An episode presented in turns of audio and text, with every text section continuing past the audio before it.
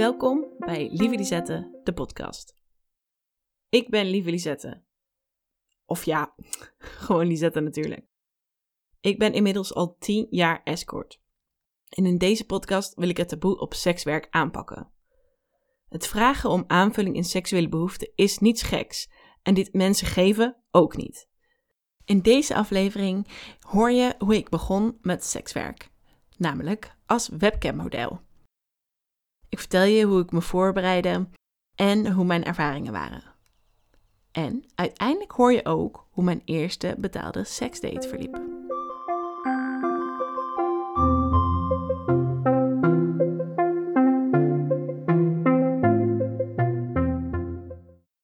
Een maand voor mijn negentiende verjaardag, zo rond november 2010, besloot ik dat ik wilde gaan beginnen met webcammen.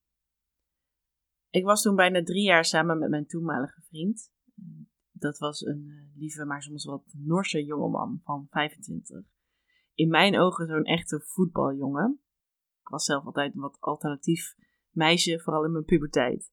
Dus dat was voor mij een compleet andere wereld. Hij was dan ook de tweede jongen waarmee ik ooit ja, niet het bed had gedeeld. Ik had wel vaker zo gevreden, maar waarmee ik penetratieve seks heb gehad. Dus de tweede na mijn ontmaagding eigenlijk, zeg maar. En eigenlijk best wel snel ben ik bij hem ingetrokken. En we woonden toen dus samen in bij zijn ouders. Wij, wij hadden een zolderkamertje met z'n tweeën. En die hebben we toen ook helemaal opgeknapt toen ik uh, eigenlijk daar introk. En dat was ons domeintje, ons plekje. En eigenlijk als we meer privacy wilden, dan trokken we juist naar buiten. En hadden we soms seks in het bos of in de auto op een afgelegen plekje. Ehm, en in die relatie, in die eerste jaren, hebben wij ook echt superveel geëxperimenteerd en uh, dingen uitgeprobeerd. En ja, dus ik, ik wist uh, dankzij de relatie met hem ook wel dat ik dat ontdekken op het seksuele vlak heel erg leuk vond. En dat vermaken op dat vlak ook. We hebben ook BDSM en zo gedaan. En uh, ik gaf hem wel eens een striptease of zo voor zijn verjaardag, dat soort dingen.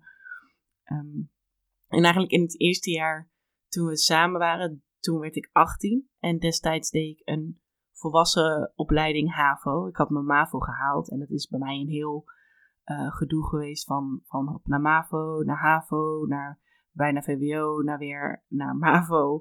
Um, en uiteindelijk uh, wilde ik dus wel na mijn uh, MAVO de HAVO halen, zodat ik een HBO toneelopleiding kon doen. Maar tijdens die volwassen opleiding naar de HAVO ja, verloor ik die interesse eigenlijk. Werd ik 18, hoefde ik niet meer naar school. En uh, stopte ik dus ook. En daarna heb ik eigenlijk verschillende pogingen gedaan in ondernemingen en baantjes. Um, eigenlijk zelfs de periode voordat ik begon met cammen, um, had ik nog een heel ondernemersplan voor het starten van een webwinkel in B-mode.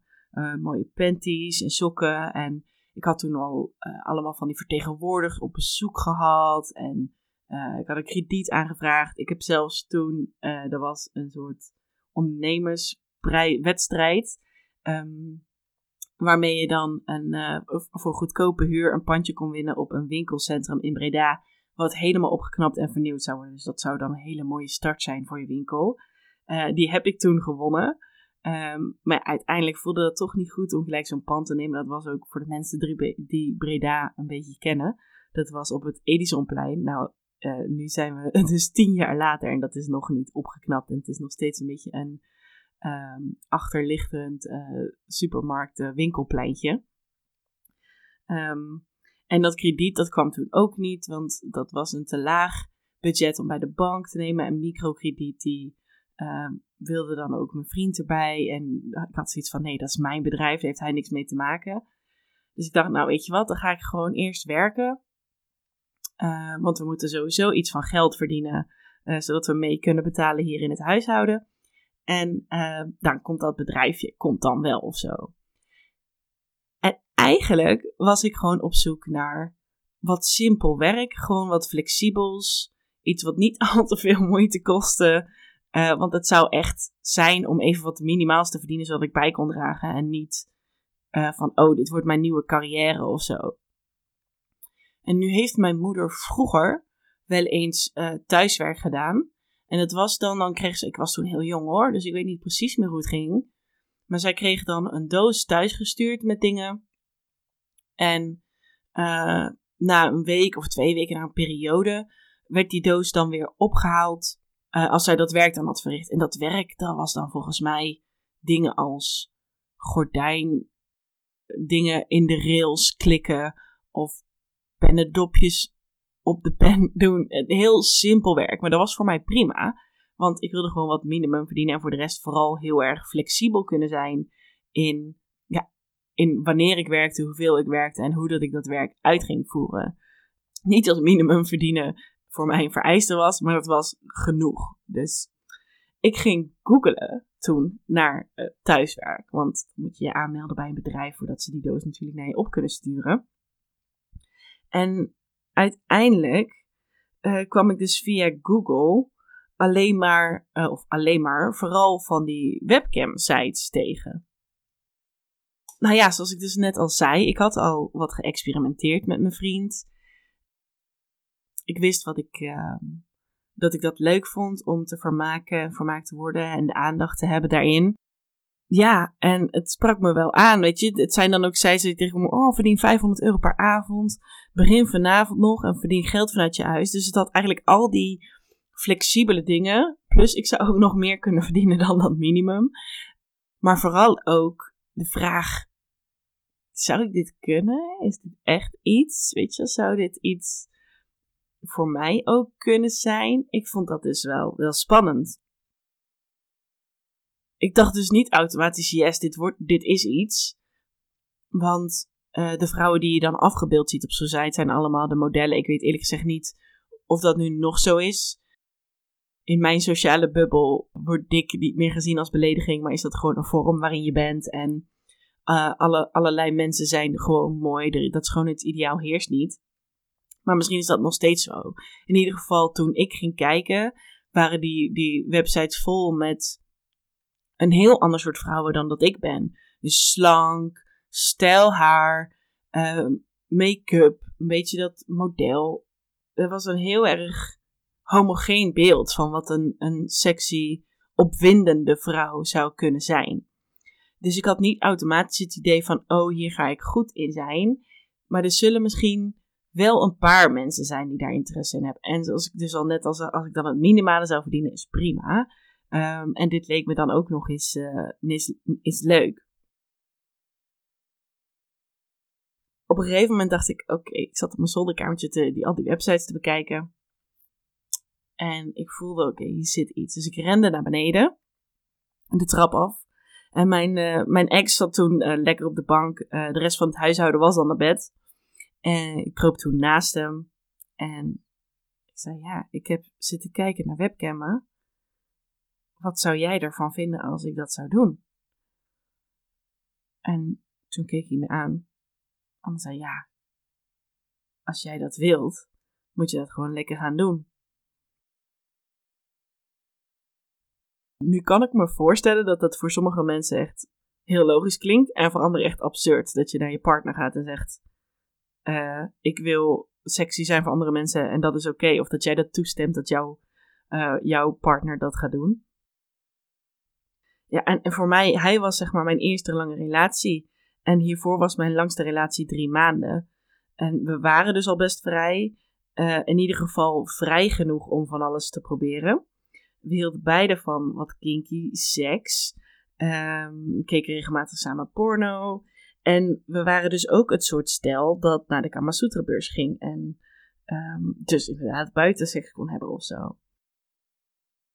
Dus het was nog niet zozeer een, een open relatie als dat we dat bewust hadden besproken van oké, je mag ook met anderen naar bed of we gaan swingen of uh, we, we zijn polyamoreus. Dat we dus al al verschillende partners erbij hebben. Uh, maar ik wist in ieder geval wel dat dit bespreekbaar was. En hij wist dat ook, dat, dat als ik dat dan zou doen, dat dat niet afdeed aan mijn liefde voor hem of zijn waarde als man of dat soort dingen. Ja, ik snap dat het voor sommige mensen wat gek is, maar dit, dit geeft misschien wat context aan hoe hij reageerde. Dat het gewoon zo was van ja, uh, lieverd, wat leuk dat je iets hebt gevonden wat jou leuk lijkt. Lekker gaan doen.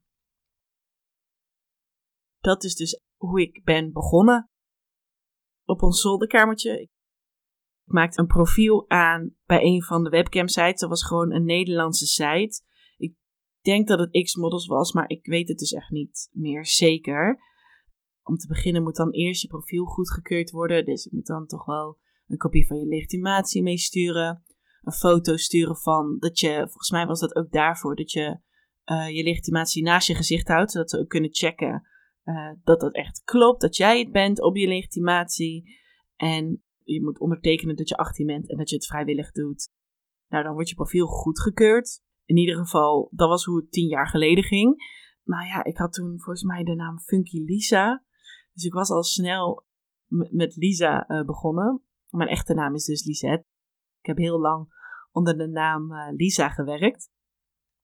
Wat trouwens wel grappig is, die naam komt eigenlijk vanuit de middelbare school. mijn Franse leraar heeft dus eigenlijk mijn porno-naam bedacht. Uh, dat zal hij leuk vinden, maar um, ja, die noemde mij dus altijd Lisaatje. Dus uh, meneer Hamucci van Markhagen. Die zei altijd, oh, daar heb je Lisaatje weer. Omdat je dus in het Frans verkleint met zetten. Kijk, het is gelijk een Franse les hier. Dus Lisette is dan Lisaatje. Nou goed. Vanuit daar was ik eigenlijk op zoek. Want ik denk, ja, ik kan wel een hele andere naam nemen. Wat ik veel zie is dat sekswerkers een hele andere naam dan hun eigen naam kiezen. Maar dat gebeurt niet altijd hoor. Maar ik wilde wel iets uh, wat bij mezelf was. Ik vond het gek om het gelijk helemaal van me af iets te kiezen of zo.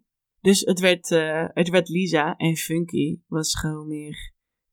Vond ik grappig of zo. Ik heb ook, zeg maar, funk is een muziekstijl. Ik heb daar bar weinig mee. Misschien tegenwoordig iets meer, omdat ik dat dan kan herkennen als een muziekstijl. Maar toen vond ik dat gewoon uh, funky, de klonk, de konk, cool of zo. Dus Funky Lisa, dat was mijn, uh, mijn naam. Ja, je maakt dan dus een soort van persona aan. Je geeft aan waar je voor open staat, wat niet. Wanneer mensen je online kunnen verwachten. Hoeveel credits je per minuut wil vragen. Volgens mij is dat eigenlijk met al dit soort sites wel. Of je kan inbellen of dat soort dingen. Maar de meeste van dit soort sites gebruiken een creditsysteem. En eigenlijk is dat hetzelfde als een muntjes kopen op een festival. Dat je dus je betaalt uh, meer dan een euro voor een muntje of een credit in dit geval. En soms betaal je 2 euro en zo. En dan heb je dat in je portefeuille, in je portemonnee. En die credits zijn dan dus jouw betaalsysteem. Voor op het festival uh, of dus nu voor op de webcam site. En het slimmer daarvan is, is dat je dus meer euro's hebt uitgegeven aan één muntje of één credit. Maar zo'n uh, credit geef je dan vervolgens psychologisch wel uit alsof het een euro is. Dus je hebt niet zo goed door hoeveel je eigenlijk aan het uitgeven bent. Plus, je maakt bijna nooit precies het aantal muntjes of credits op wat je gekocht hebt. Dus het zorgt er ook voor dat er dan dus nog, weet ik veel, iets van 5 of 10 credits op jouw profiel blijven staan. Uh, waardoor dat je denkt, ja, ik heb daar geld aan uitgegeven. Dat is zonde om te laten liggen. En dan kom je dus makkelijker terug. Dat is eigenlijk een hele slimme manier, een hele slimme marketing manier om mensen terug te laten komen en meer uit te geven, laten geven dan dat ze doorhebben. Ja, en nadat ik dus een profiel had aangemaakt, was het voor mij tijd om te beginnen. Uh, misschien heb je dat al vaker bij mij gezien. Ik zei het net ook al een beetje. Ik zag er niet uit en ik zie er niet uit als de vrouwen die toen op die website afgebeeld stonden. En dat bedoel ik, dat zijn dan slanke vrouwen, soms met nepborsten. In ieder geval tip-top verzorgd met make-up en nagellak of nepnagels, stijlhaar, hakken, dat soort dingen. En toch wel slank. Zou ik wel slank gezegd? dat is toch een issue.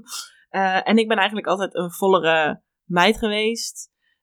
En eigenlijk zag ik dus nergens, ook in mijn puberteit en zo niet, vrouwen zoals ik die sexy konden zijn. En nu is het de laatste jaren al steeds meer te doen over representatie.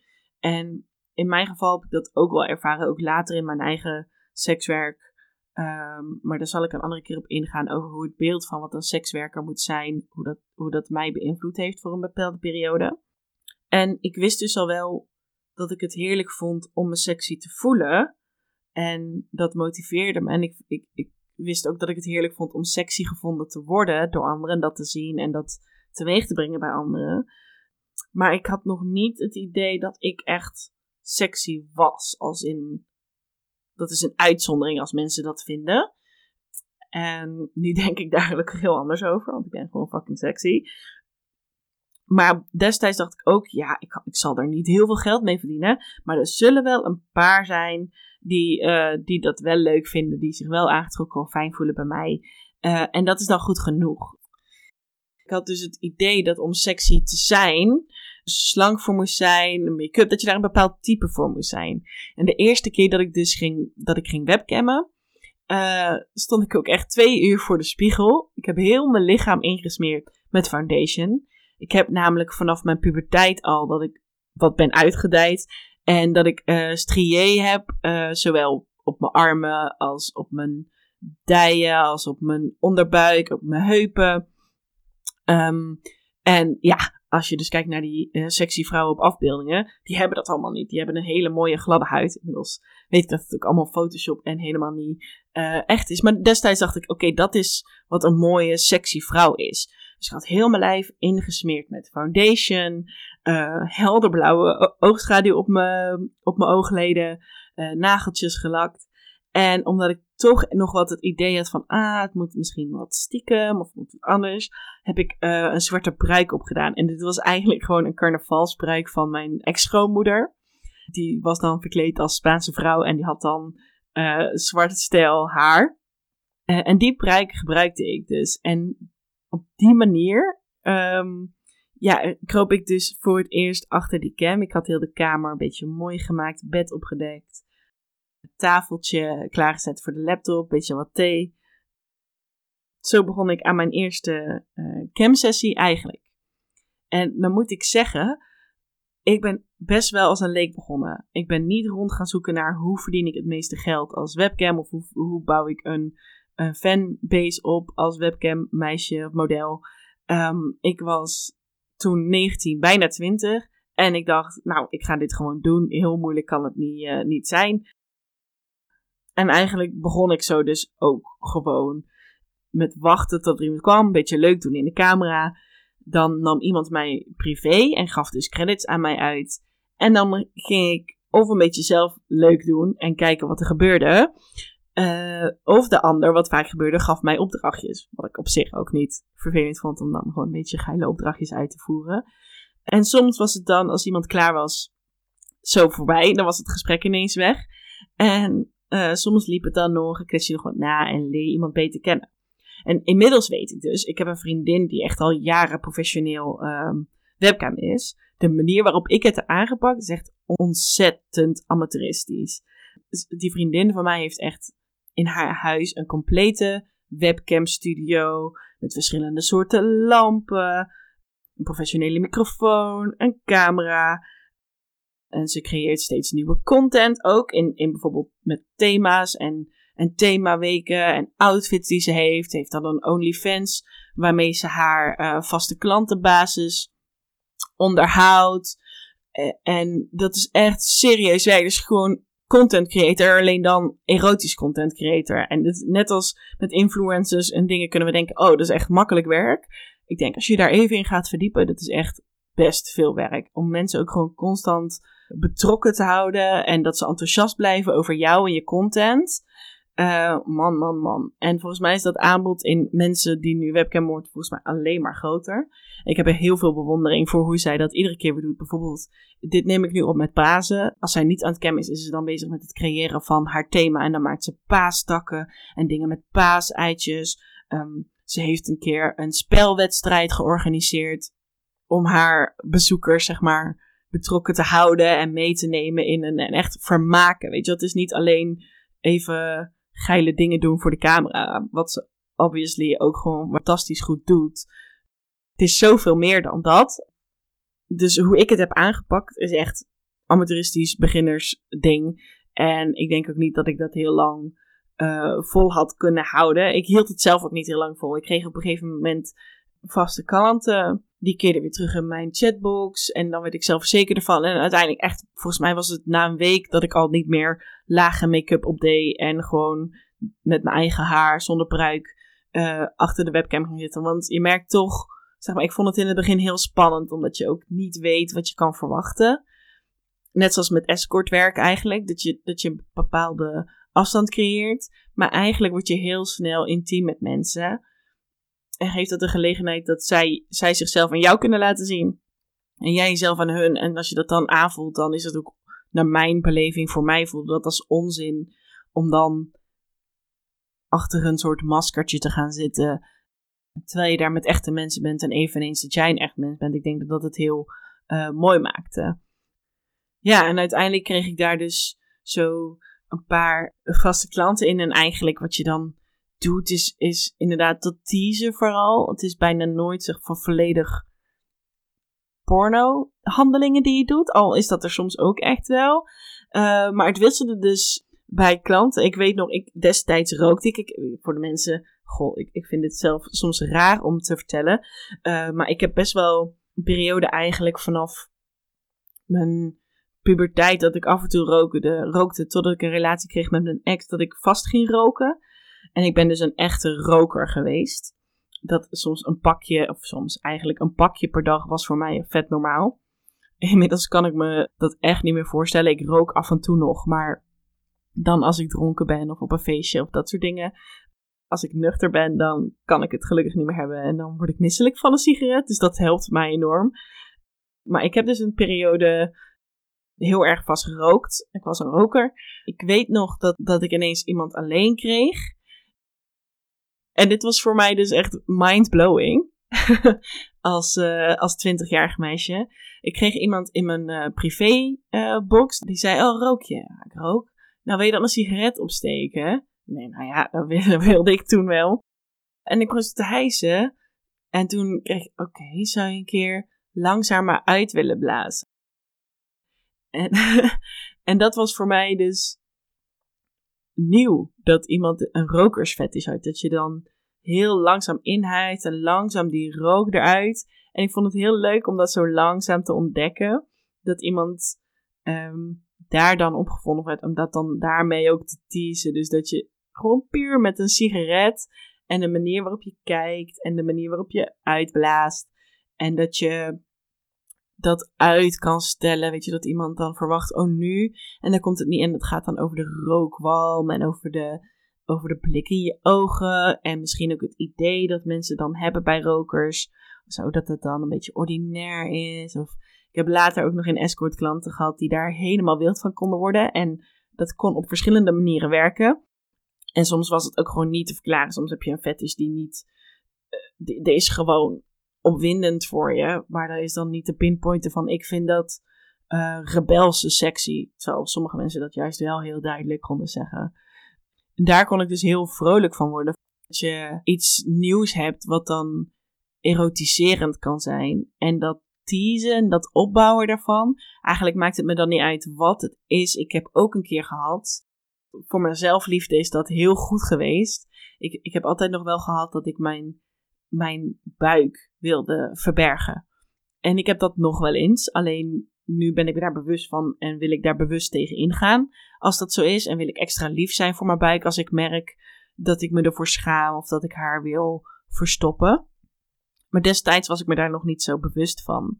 En op een gegeven moment zat ik dus in een uh, leuk setje voor de cam en ik was een beetje bezig en ik kreeg weer iemand privé. Die vroeg mij expliciet om echt met mijn buik voor de camera te gaan zitten, dan uit te puilen en dan juist daarmee te gaan spelen. En met mijn handen mijn buik te masseren, juist heel erg mijn vet te laten zien. En van kinds af aan was ik, uh, was ik zelf een beetje geobsedeerd door dat buikdansen. Dus dat heb ik mezelf aangeleerd. Dus ik kan zo buikdansen. ik, ik loop het niet voor te doen, maar dat kan je helemaal niet zien. maar dat, ik kan dus zo mijn bovenste gedeelte van mijn buik boven mijn navel dan als een golfje, zeg maar, kan ik zo mijn buik heen en weer laten bewegen. En dat deed ik toen ook. En uh, mijn buik vet bij elkaar grijpen, erin poken, dat helemaal heen en weer laten bewegen. En juist daarmee teasen en dat, daarmee die sexyheid oproepen. Uh, dat vond deze persoon echt fantastisch. Maar voor mij was dat ook een hele bijzondere ervaring. Dat ik door dat stukje, wat ik vaak juist heel erg verstop, heel erg naar voren brengen en dat op een sexy manier tonen, ja, dat is me altijd bijgebleven. En dat was voor mij ook uniek om dat zo te ervaren. Over het teasen gesproken, ik had bijvoorbeeld ook, ik heb al verteld dat ik dan BDSM wel leuk vond, dus dat stond ook in mijn profiel. En op een gegeven moment kreeg ik een, uh, een persoon die wou mijn meester zijn. En ook met hem ging ik meerdere keren afspreken. Um, dus ik zag hem, volgens mij zag ik hem één keer in de week. Ik heb uiteindelijk iets van drie maanden gecampt. Dus in, in best wel een korte tijd kun je heel intiem raken met iemand als je die iedere week ziet. En uh, dat is dan wel zien op de cam. Uh, en ik had hem ook nog nooit in het echt gezien, maar dan chatten we heel veel. En dat begon inderdaad met een soort BDSM-spelletje dat hij mij dus opdrachten gaf en dat ik die uit moest voeren. En uiteindelijk had ik met hem zoiets ontwikkeld dat hij dus aftelde en dat ik daar dan mijn hoogtepunt op zou krijgen. Maar dat lukt mij zelden. Ik ben helemaal niet goed onder druk.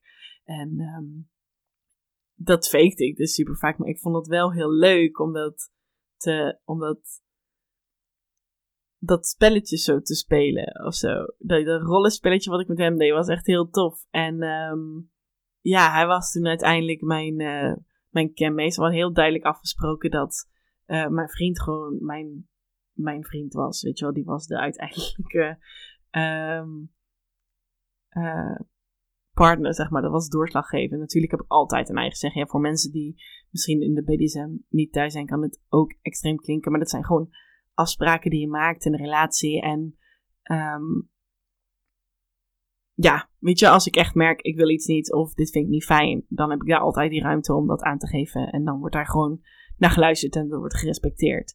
Maar dit was iets wat ik zelf ook leuk vond om, zeg maar, die controle uit handen te geven. En dus voor het cammen was hij mijn meester. En ik heb toen ook uiteindelijk, ik heb iets van vijf piercings gehad in mijn uh, vulva. En van hem heb ik toen een, uh, een hood piercing gekregen. Dus dat is dan een piercing door, door mijn clitorale voorhuid. Ja, wel grappig dat het allemaal zo in drie maanden gebeurt. Ja, en hij gaf dan ook wel eens opdrachtjes van: oh, uh, ga hier en daar in het openbaar foto's maken of dit en dat. En uh, daar vroeg ik dan extra geld over, voor en dat maakt hij dan over. En eigenlijk was het al best wel snel, wat dus eigenlijk niet mag op die webcam sites, is dat je je eigen e-mailadres gaat geven, uh, zodat je dus buiten die websites om af kan spreken met klanten. Want ja, dan verdient zo'n platform natuurlijk niets meer aan je.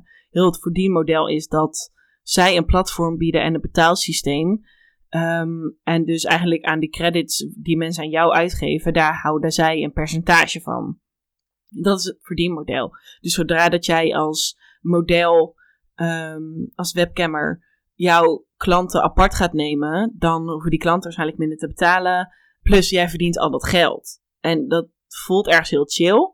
Um, en eigenlijk heb ik gemerkt dat dat bij escort ongeveer net zo werkt. Dat je hebt een escortbureau, die houdt een bepaald bedrag in van het totaalbedrag om hun eigen kosten te voorzien. Omdat er, weet je, afspraken maken, belasting, de advertenties en zo, telefoon opnemen is allemaal heel veel werk, kost geld. En zij regelen die klanten voor jou. Maar als jij dus dan daarbuiten met de klant afspreekt, kan jij en geld houden en de klant betaalt over het algemeen minder. Maar wat het punt is met dat systeem, is dat dan stiekem best wel veel klanten ook het gevoel hebben dat ze dichter bij jou zijn. Dus een grens, de, grens vervaagt een beetje. En dat hoeft op zich geen probleem te zijn, uh, maar daar moet je wel mee, bewust mee om kunnen gaan. En het niet zomaar laten gebeuren, want het gaat toch over intimiteit, het gaat over uh, um, behoeftebevrediging op commando. Um, en als, mens, als die grens dan een beetje vervaagt, kunnen de, sommige mensen de neiging hebben uh, het gevoel te hebben constant recht op jou te hebben. En dat moet je dan dus goed afbakenen. En dat is eigenlijk met het cammen net zo. Als jij dan gewoon je eigen nummer geeft of je eigen e-mailadres, dan geeft dat meer vrijheid en dat heeft voor- en nadelen. En ik had dat dus zo ook uh, met een paar klanten en dus ook met hem. Ja, en zo had ik dus een paar van die vaste klanten gekregen die ik steeds weer zag. Dat is natuurlijk super leuk dat je merkt dat mensen zich verbinden aan je. Het zorgt eigenlijk ook voor dat je dan eigenlijk iedere keer hetzelfde aan het doen bent. Want de mensen waarmee je afspreekt hebben een bepaalde kink, een bepaalde fetish of een bepaald iets waarop ze op afgaan. Ehm, het is meestal niet dat ze uitgebreid de tijd nemen tijdens een webcam. Dus je gaat hup naar, naar, die naar het snelle grote genot. Dus uiteindelijk was, had ik zo een paar vaste klanten waar ik steeds dezelfde handeling mee aan het doen was. En ik ben daar dus niet zo goed in. Ik heb een beetje nieuwe dingen nodig. Dus eigenlijk na drie maanden zo webcammen merkte ik dat ik het moeilijker vond om mezelf aan te zetten. Nou is dat sowieso iets wat ik gemerkt heb, dat als de spanning er een beetje van af is, dan vind ik het lastig om mezelf nog te motiveren. Tien jaar later is dat nog steeds iets waar ik mee bezig ben. Maar met escort is het dus wel zo dat ik dat in ieder geval in verschillende vormen tien jaar lang heb volgehouden. Maar met die vaste klanten die ik dus steeds meer zag, je krijgt dus steeds meer een band, je voelt je steeds meer vertrouwd met iemand. En eigenlijk ehm, waren dat dus ook zo mensen die dan stiekem meer begonnen te hinten naar in het echt afspreken. Want via een cam kom je maar natuurlijk op een bepaald punt. En het ultieme ding is dan toch uiteindelijk echt afspreken, echt samen zijn, elkaar echt voelen, die fantasieën het echt waarmaken. Maar voor mij was escort, ik, ik wist nog niet eens dat dat zeg maar verschillende termen waren. Prostitutie was voor mij ook gewoon een heel onbekend, spannend, misschien een beetje gevaarlijk wereldje. En ik weet nog dat ik één iemand had, een klant had, die heel graag een keer echt af wilde spreken. En dat ik dan na een paar keer dacht, oké, dit kunnen we wel echt doen. Ik had een bedrag verzonnen wat ik wilde, laten we zeggen 600. Ik weet het echt niet, ik had toen totaal geen idee. En dat ik dat dan ook met mijn ex besprak. besprak. Maar dat ik ook dacht, ja, misschien, ja, om het veilig te houden. Dat we dan dachten, ja, dan moet hij om het kwartier bellen. Dus dat ik, ik, dat ik tegen die man zei: Ja, ik wil best met je afspreken. Doen we maximaal zo lang. En ik wil om het kwartier even contact met mijn vriend. ja, nu lach ik daarom. Maar ik vond dat toen echt heel logisch. Want ik dacht, ja, als jij dan verkeerde intenties hebt of zo, dan, uh, dan op die manier checkt alsof ik ontvoerd zou, zou worden. Of wat dan. Ik, ik, nu kan ik daar heel erg om lachen. Maar ik denk ook, als ik echt dacht dat het zo gevaarlijk was, waarom overwoog ik het dan eigenlijk? Toch wel een beetje spanning of zo? Of dan, misschien wist ik onbewust dat, dat dat idee ook niet helemaal klopte. En die man zei het ook van, ja, lieve schat, ik snap dat je dingen um, wil afspreken om het voor jou veilig te maken. Ik snap dat het spannend is, maar om het kwartier, dat gaat echt niet. Ik snap dat nu ook heel goed, dat gaat ook helemaal niet. Dan zit je er net in en dan dan moet je weer even bellen. Of dan, ja, dan ben je er weer uit. Dat is gewoon helemaal niet de ervaring die je wilt. Ja, en uiteindelijk, ik had dus één klant, die had mij uh, gevonden via de webcam vanwege mijn funky in mijn naam. En dit was een hele lieve, wat oudere man. Ik denk dat hij halverwege de 40 was. En ik was toen dus 20. En daarmee kletste ik heel vaak. En ik wist dat hij echt lief was. Bij hem had ik totaal geen idee dat dat gevaarlijk zou kunnen zijn op een of andere manier. En bij die andere mannen was het dus ook meer een kinky vorm van seks. Waarbij dat via de webcam heel, webcam heel veilig is. Maar als je dan iemand nog niet helemaal kent. Vond, en bovendien, mijn ex was mijn enige ervaring op dat gebied. Uh, vond ik dat spannender. En deze man, deze funky man, laten we hem zo maar even noemen die had dat totaal niet. Bij hem had ik het vooral over connectie maken en muziek en de mooie dingen in de natuur. En ook hij begon te hinten naar een keer afspreken. En eigenlijk heb ik er bij hem helemaal niet over na moeten denken. Dat voelde gewoon gelijk veilig. En dat is eigenlijk mijn eerste keer betaalde seks geweest. In interviews vertel ik vaak over mijn eerste escort klant, de man van 81, en dat was ook mijn eerste klant vanuit het escortbureau. Maar deze, de funky man, is de eerste keer geweest dat ik heb afgesproken vooraf uh, dat ik betaald zou krijgen en dat we seks zouden hebben. En hij pikte mij op in volgens mij een pick-up truck. Ik weet nog dat ik het ook tegen mijn, mijn ex heb gezegd van oké, ik ga nu dit afspreken. Iets van een uurtje, twee uurtjes. Ik ben vanavond weer terug we wisten zijn adres ook. Dus mocht ik niet terugkomen, dan, uh, dan wist mijn ex uh, me te vinden. En hij woonde op een woonbootje. En ik was eigenlijk, nu ik eraan terugdenk, volgens mij was ik helemaal niet zenuwachtig. Ik had er gewoon wel zin in. Uh, maar ik wist dus ook wat ik kon verwachten bij hem. En ik dacht dat ik wist wat ik kon verwachten aan seks. Dus hij kwam mij, uh, mij oppikken in zijn pick-up truck. Kwam naast hem en was een wat fragielere, lieve man. Echt een beetje een hippie. Met lieve ogen. En we hadden het een beetje, ja, we hadden het over de dag en dat het wel spannend was. Hij had dit wel vaker gedaan. We kwamen aan, liep over de steiger, liep ik achter hem aan, trappetje af, de woonboot in. Binnen rekenden we af en we begonnen te zoenen. Hij had in de woonkamer twee matrasjes liggen. En eigenlijk weet ik er niet zo heel veel meer vanaf, moet ik zeggen. Ik kan nu wel een hele ervaring omschrijven, maar dat, ik weet het gewoon niet meer zoveel van. Ik weet nog dat ik het spannend vond, dat ik het leuk vond om hem te zoenen en aan te kijken. En ik, ik weet nog dat ik in zijn ogen een soort zoeken zag, zoeken naar toestemming. Ik herken dat nu ook nog vaak bij afspraken. Afstemmen of het oké was en dat ik hem dat dan met mijn, mijn non-verbale communicatie liet blijken, met mijn lijf, met mijn ogen. Van het is goed, weet je, kom maar, laat je maar gaan. Ik vind het oké, ik vind het fijn. En we hebben toen gevreden en eigenlijk was dat vrij snel klaar. Want ik weet nog dat ik daarna dacht, oké, en nu? Dus ik lag een beetje speels op dat matrasje. Zo van, oké, ik ben er nog, wat gaan we nu doen? En ik weet ook nog dat ik dacht: oké, maar we gaan sowieso nog een ronde doen, toch? Want je hebt net zo betaald. En waarvan ik nu dus weet dat, dat seks vaak een, een middel is om tot intimiteit te komen. En zeker bij mannen, denk ik, uh, bij veel mannen dat dat het geval is. Al werkt het, kan het voor vrouwen net zo goed zo werken. Maar goed, ik denk dus wel dat vrouwen eerder geneigd zijn om te zeggen: ik wil intimiteit. Ehm, en dan seks. En dat mannen eerder zeggen: ik wil seks en dan oh, en intimiteit. Is misschien ook maatschappelijk eerder toegestaan of zo.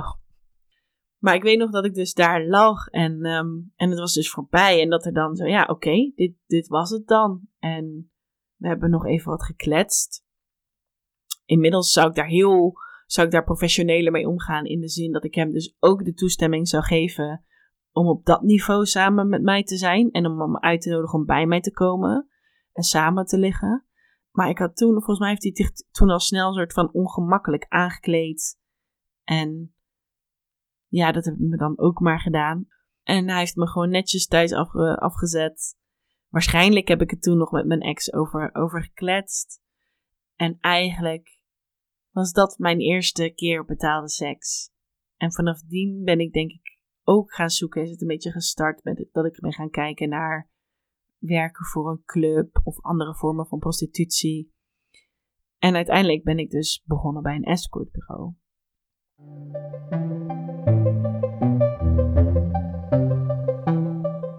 In de komende afleveringen zal ik meer gaan vertellen over mijn belevingen als escort.